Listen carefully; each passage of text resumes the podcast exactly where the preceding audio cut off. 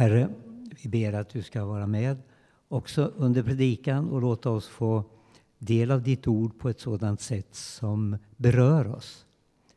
Hjälp mig att förmedla det på ett rätt sätt. Jag ber också för söndagsskolan att de ska få uppleva närheten till dig och kärleken ifrån dig. I Jesu namn. Amen. Ja, idag vill jag betrakta eller se lite på det kristna dopet utifrån lite paulinska begrepp. Men eh, jag börjar ändå med den här evangelietexten som vi har hört om Jesu dop. Eh, för det ger oss en, en, eh, en bra bakgrund. Ni ser bilden också här på det senaste dopet vi hade.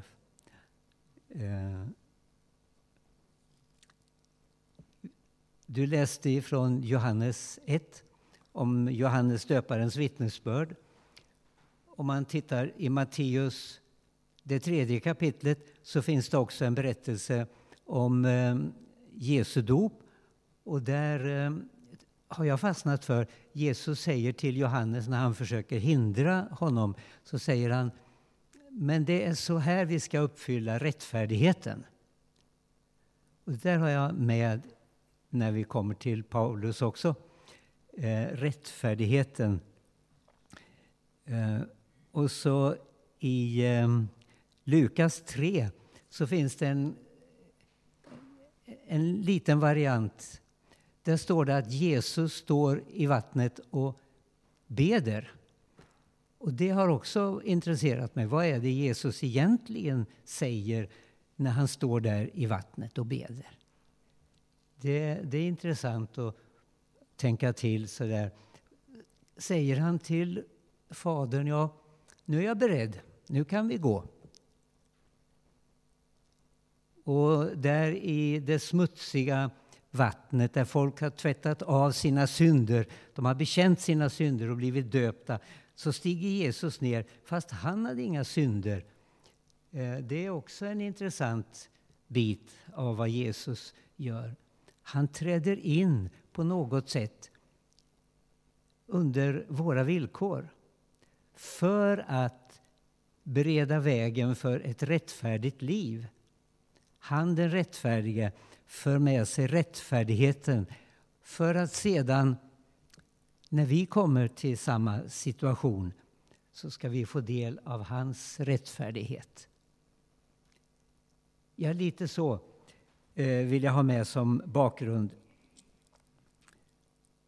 En klassisk dopsyn eh, som, eh, som svarar på frågan varför vill du bli döpt? Ja, den frågan har vi väl ställt som pastorer många gånger. Varför vill du egentligen bli döpt? Och nu ska inte jag gå igenom olika sätt som de här frågorna belyser, utan jag vill bara säga det mest spontana som jag har hört under min livstid, det är jag vill följa Jesus. Eller eftersom Jesus blev döpt så vill jag också bli döpt. Det är ganska vanliga bekännelser som eh, åtminstone med yngre människor brukar säga så. Och då... Ja, då har jag funderat lite grann på det. Och så tänkte jag bara sammanfatta det här. För Jesus betydde dopet lydnad mot Fadern.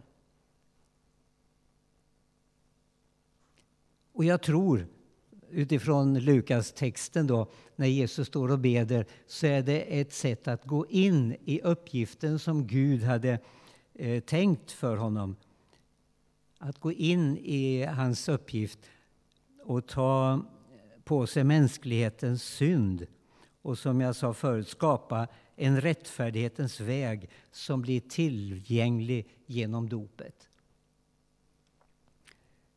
Det är därför Jesus säger eh, att för rättfärdighetens skull så ska du döpa mig. För oss är dopet kanske något annorlunda. Eh, det är, på samma sätt som för Jesus, det är en lydnad. Lydnad inför Guds ord. Ehm, men det är lite annorlunda där, för dopet är en begravning av det som har varit. Begravning av um, synd, syndalivet. Och det ska vi titta på hos Paulus där han är väldigt tydlig med det när han låter dopet vara alltså begravning av det gamla. Och sen är det då för oss ett mottagande av Kristi rättfärdighet. Det är inte så att vi går vidare som om, som om vi hade erövrat någon egen rättfärdighet. För vår egen rättfärdighet är som en fläckad klädnad, säger Bibeln. Det är Kristi rättfärdighet som vi ikläder oss i dopet. Och innan vi läser den intressanta texten i, i Romarbrevet eh, från det femte kapitlet, i slutet på det femte kapitlet och en bit in i det sjätte kapitlet så skulle jag vilja bara peka på några begrepp. Så de kommer här, eh, något i taget. Då. I Romarbrevet 5 och 20 så startar ju Paulus med att tala om nåden. Och så ställer han den i relation till lagen. Därför att lagen talar om och ger oss upplysning om att nu är vi på fel väg. Men allt eftersom lagen talar om hur illa vi handlar så ökar nåden, möjligheten till förlåtelse och upprättelse. Det är lite av det som eh, finns. Och nåden, det handlar om allt utan att vi har förtjänat det. Och sen talar eh, Paulus om rättfärdigheten. Det är den Kristi dräkt som den som är avskild för Kristus, som har helgats, avskild för Kristus. Det är den dräkten som människan bär, det är rättfärdigheten. Det är inte min kavaj, utan det är Kristi klädnad som jag får ta på mig med dopet. Det är rättfärdigheten. Sen talar Paulus, använder begrepp som död. Och då betyder, död kan man ju vara eh, i betydelsen skild ifrån. När jag dör så skiljs jag från det här livet.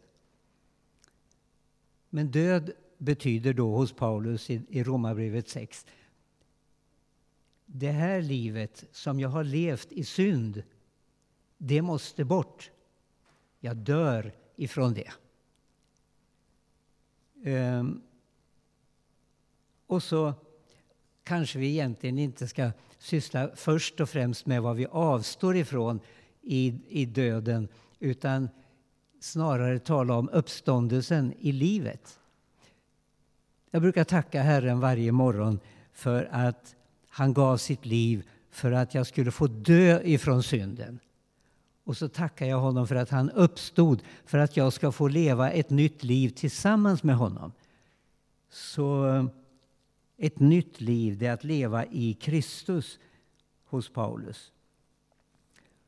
Och synd, eh, det som också han använder begreppet syndakroppen. Synd, det är det som härskar i oss med begär att göra någonting som inte Gud har tänkt med våra liv. Det är alltså den personliga synden som Paulus talar om när han talar om syndakroppen. Och för att syndakroppen ska dö så fordras det ju en begravning också. Och det är det som är hos Paulus dopet. Att lämna allting bakom sig. Jag har ingenting med ifrån den tiden före dopet utan jag lämnar det i dopet. Det är begravningen. Men så för han in det här andra eh, sättet att dö. Då använder han begreppet korsfäst med Kristus. Jag dör som Kristus. Korsfäst med Kristus. Hans död betyder död för vår syndakropp. Genom att ta emot Kristus så kan vi bli av med synden i våra liv. Det är korsfäst med Kristus. Och så använder Paulus också begreppet den gamla människan. Det är alltså den perioden då livet har präglats av mitt syndaliv. Men så har han ett ord som är lite problematiskt och det är den dödliga kroppen. Den gamla människan det är mitt eget liv i synd. Den dödliga kroppen, det är trots livet i Kristus så kommer vi att dö. Inte för, på grund av min personliga synd, utan därför att synden kom in i världen. Det begreppet finns också med i det här sammanhanget. Vi är underställda döden allesammans. Och sen har vi det där fantastiska begreppet dopet. Det är begravningen. Då är vi, har vi lämnat det här bakom oss.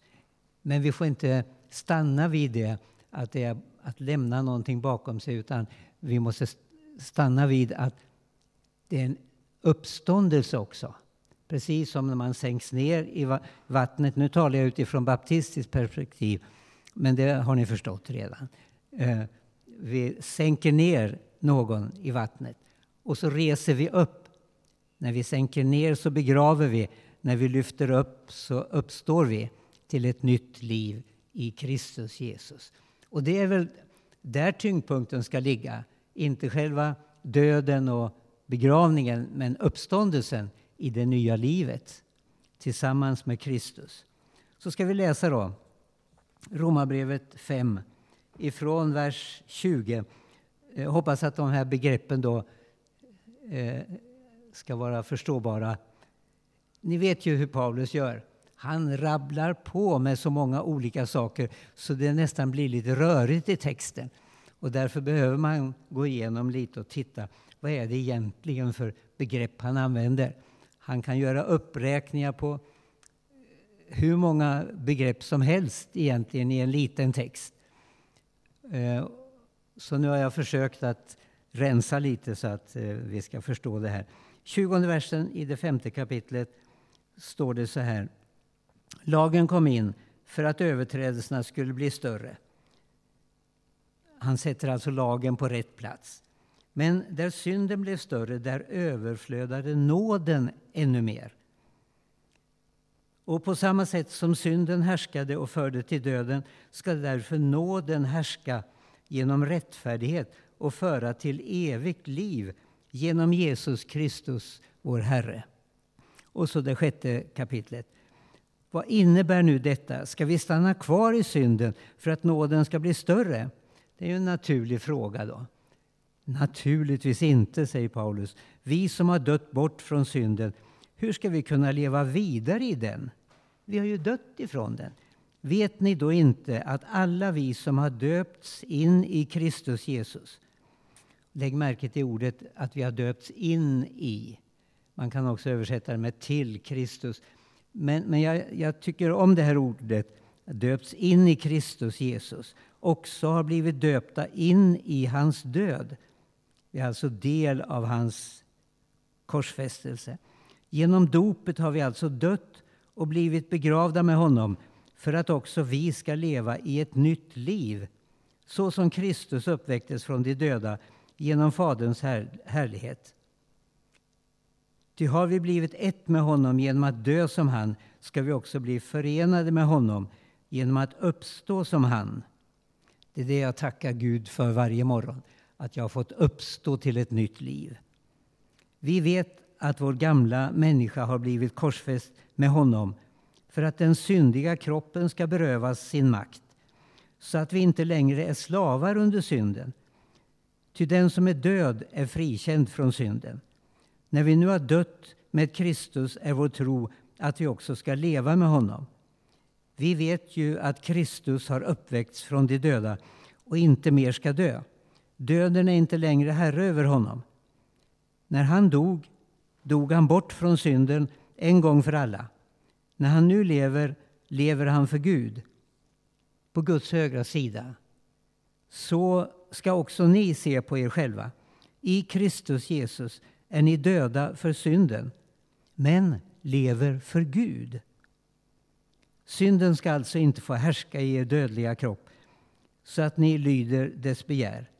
Låt inte synden bruka era lemmar som redskap för orättfärdigheten utan låt Gud bruka er, ni som ju har återvänt till livet från döden. Det är när man reses upp ifrån dopet.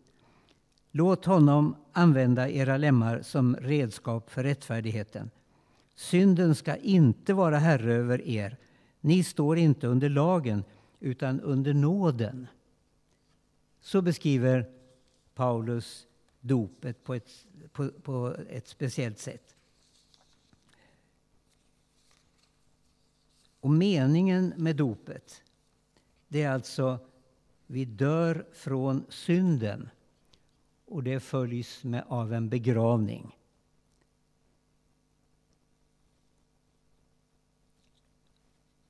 Och begravningen följs sedan av uppståndelse till nytt liv i Kristi efterföljd.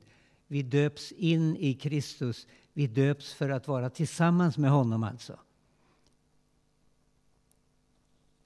Och sen en gång, till slut, så kommer uppståndelsen i den himmelska världen som ett resultat av vad Kristus har gjort för oss.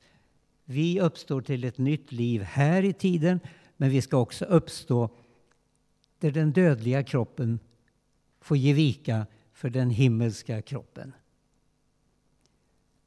Det är egentligen en del av förkunnelsen i dopet också. Man kan aldrig säga jag döpte mig. Det har ni säkert hört sägas. Man kan aldrig säga det. I dopet överlämnas man nämligen i Faderns, Sonens och den helige Andes famn. Och det är ingenting som jag kan göra, utan jag tar emot det, jag överlämnas. Man kan se det som en demonstration när dopförrättaren reser upp, eller tar i famnen och sänker ner och reser upp. Det finns, måste finnas någon som döper mig, så att säga. Man kan säga så här, jag tillåter mig att frälsas. Det är någonting som man måste säga ja till. Att överlåta sig till Kristus. Att döpas, jag överlåter mig åt att bli begravd med Kristus till efterföljd. Jag tillåter mig att uppfyllas av Guds heliga Ande. Alltså jag måste säga ja tack på något sätt. Att ta emot. Men det är inte jag som döper mig, det är inte jag som frälsar mig, det är inte jag som eh, ehm, erövrar den heliga Ande, utan det är Anden som ges till mig. Det är det som är eh, så viktigt tycker jag. Och jag tillåter Gud att använda mina lemmar i rättfärdighetens tjänst. Och efter dopet så avvisar man synden och tillåter inte synden att härska i den dödliga kroppen mera. Man kan väl se det som... Eh, jag gjorde en rad där, ja. Frälsning leder till dop och begravning. Jag uppstår till ett nytt liv. Jag lever i efterföljelse med Andens vägledning. Död från synden, men liv i Kristus. Det är dopet.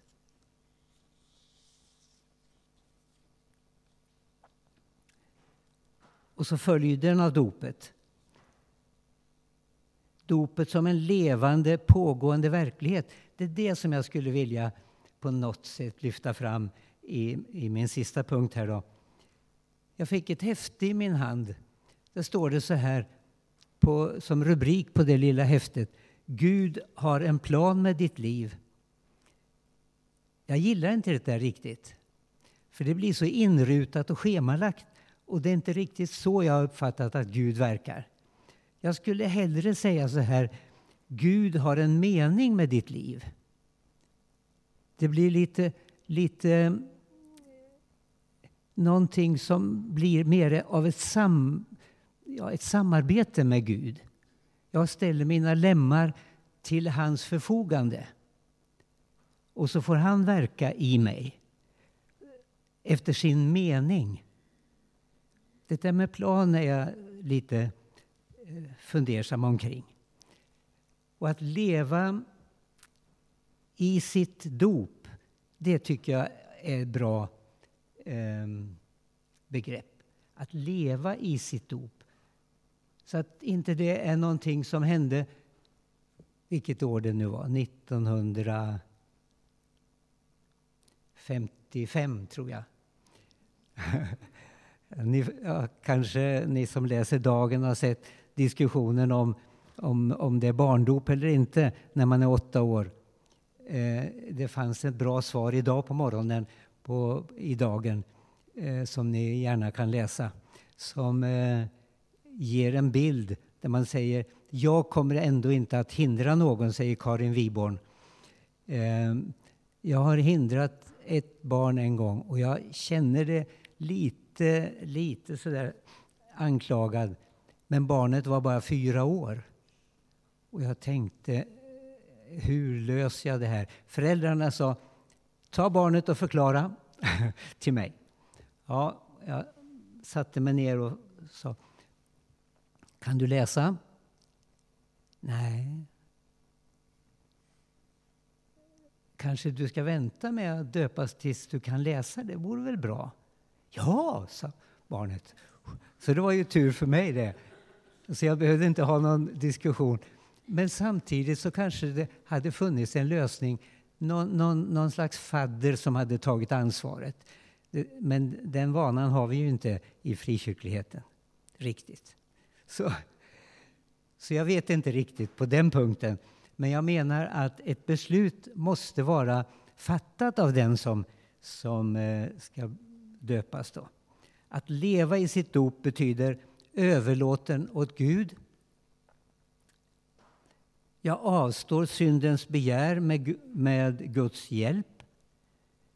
Um, Romarbrevet 13 och vers 14 tycker jag är intressant. Så här står det.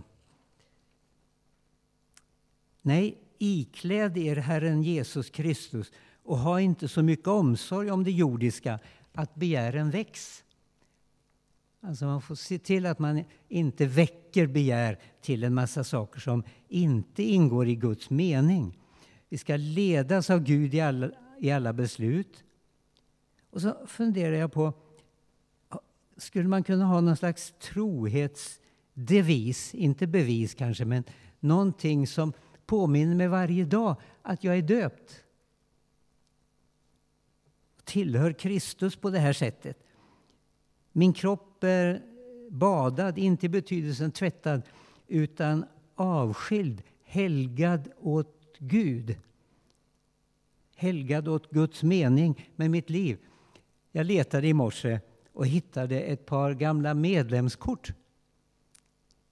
Eh, från 1956 så står det Axel Idén, det var pappa det då. Medlem nummer 2179, medlem av Sionförsamlingen Linköping, bönering nummer 22 och så står det bibelord på baksidan. De här låg framme på hans skrivbord som en ständig påminnelse. Att vara döpt in i Kristus är inte bara att leva livet tillsammans med Kristus det betyder också att döpas in i Kristi gemenskap, som är församlingen. Så det blev säkert en påminn för pappa.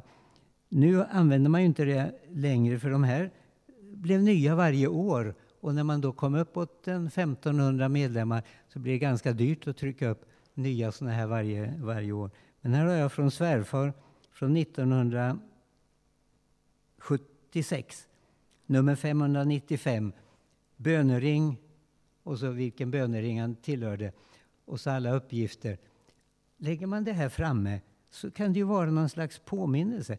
Ja, det finns väl annat man kan lägga fram som påminnelse. Men jag menar att vi ska leva i dopet. Det tycker jag är viktigt. Alltså medveten om att jag har avgjort mig. Det finns en grav bakom mig som jag inte kan gå tillbaka över. Utan jag är hängiven det nya livet.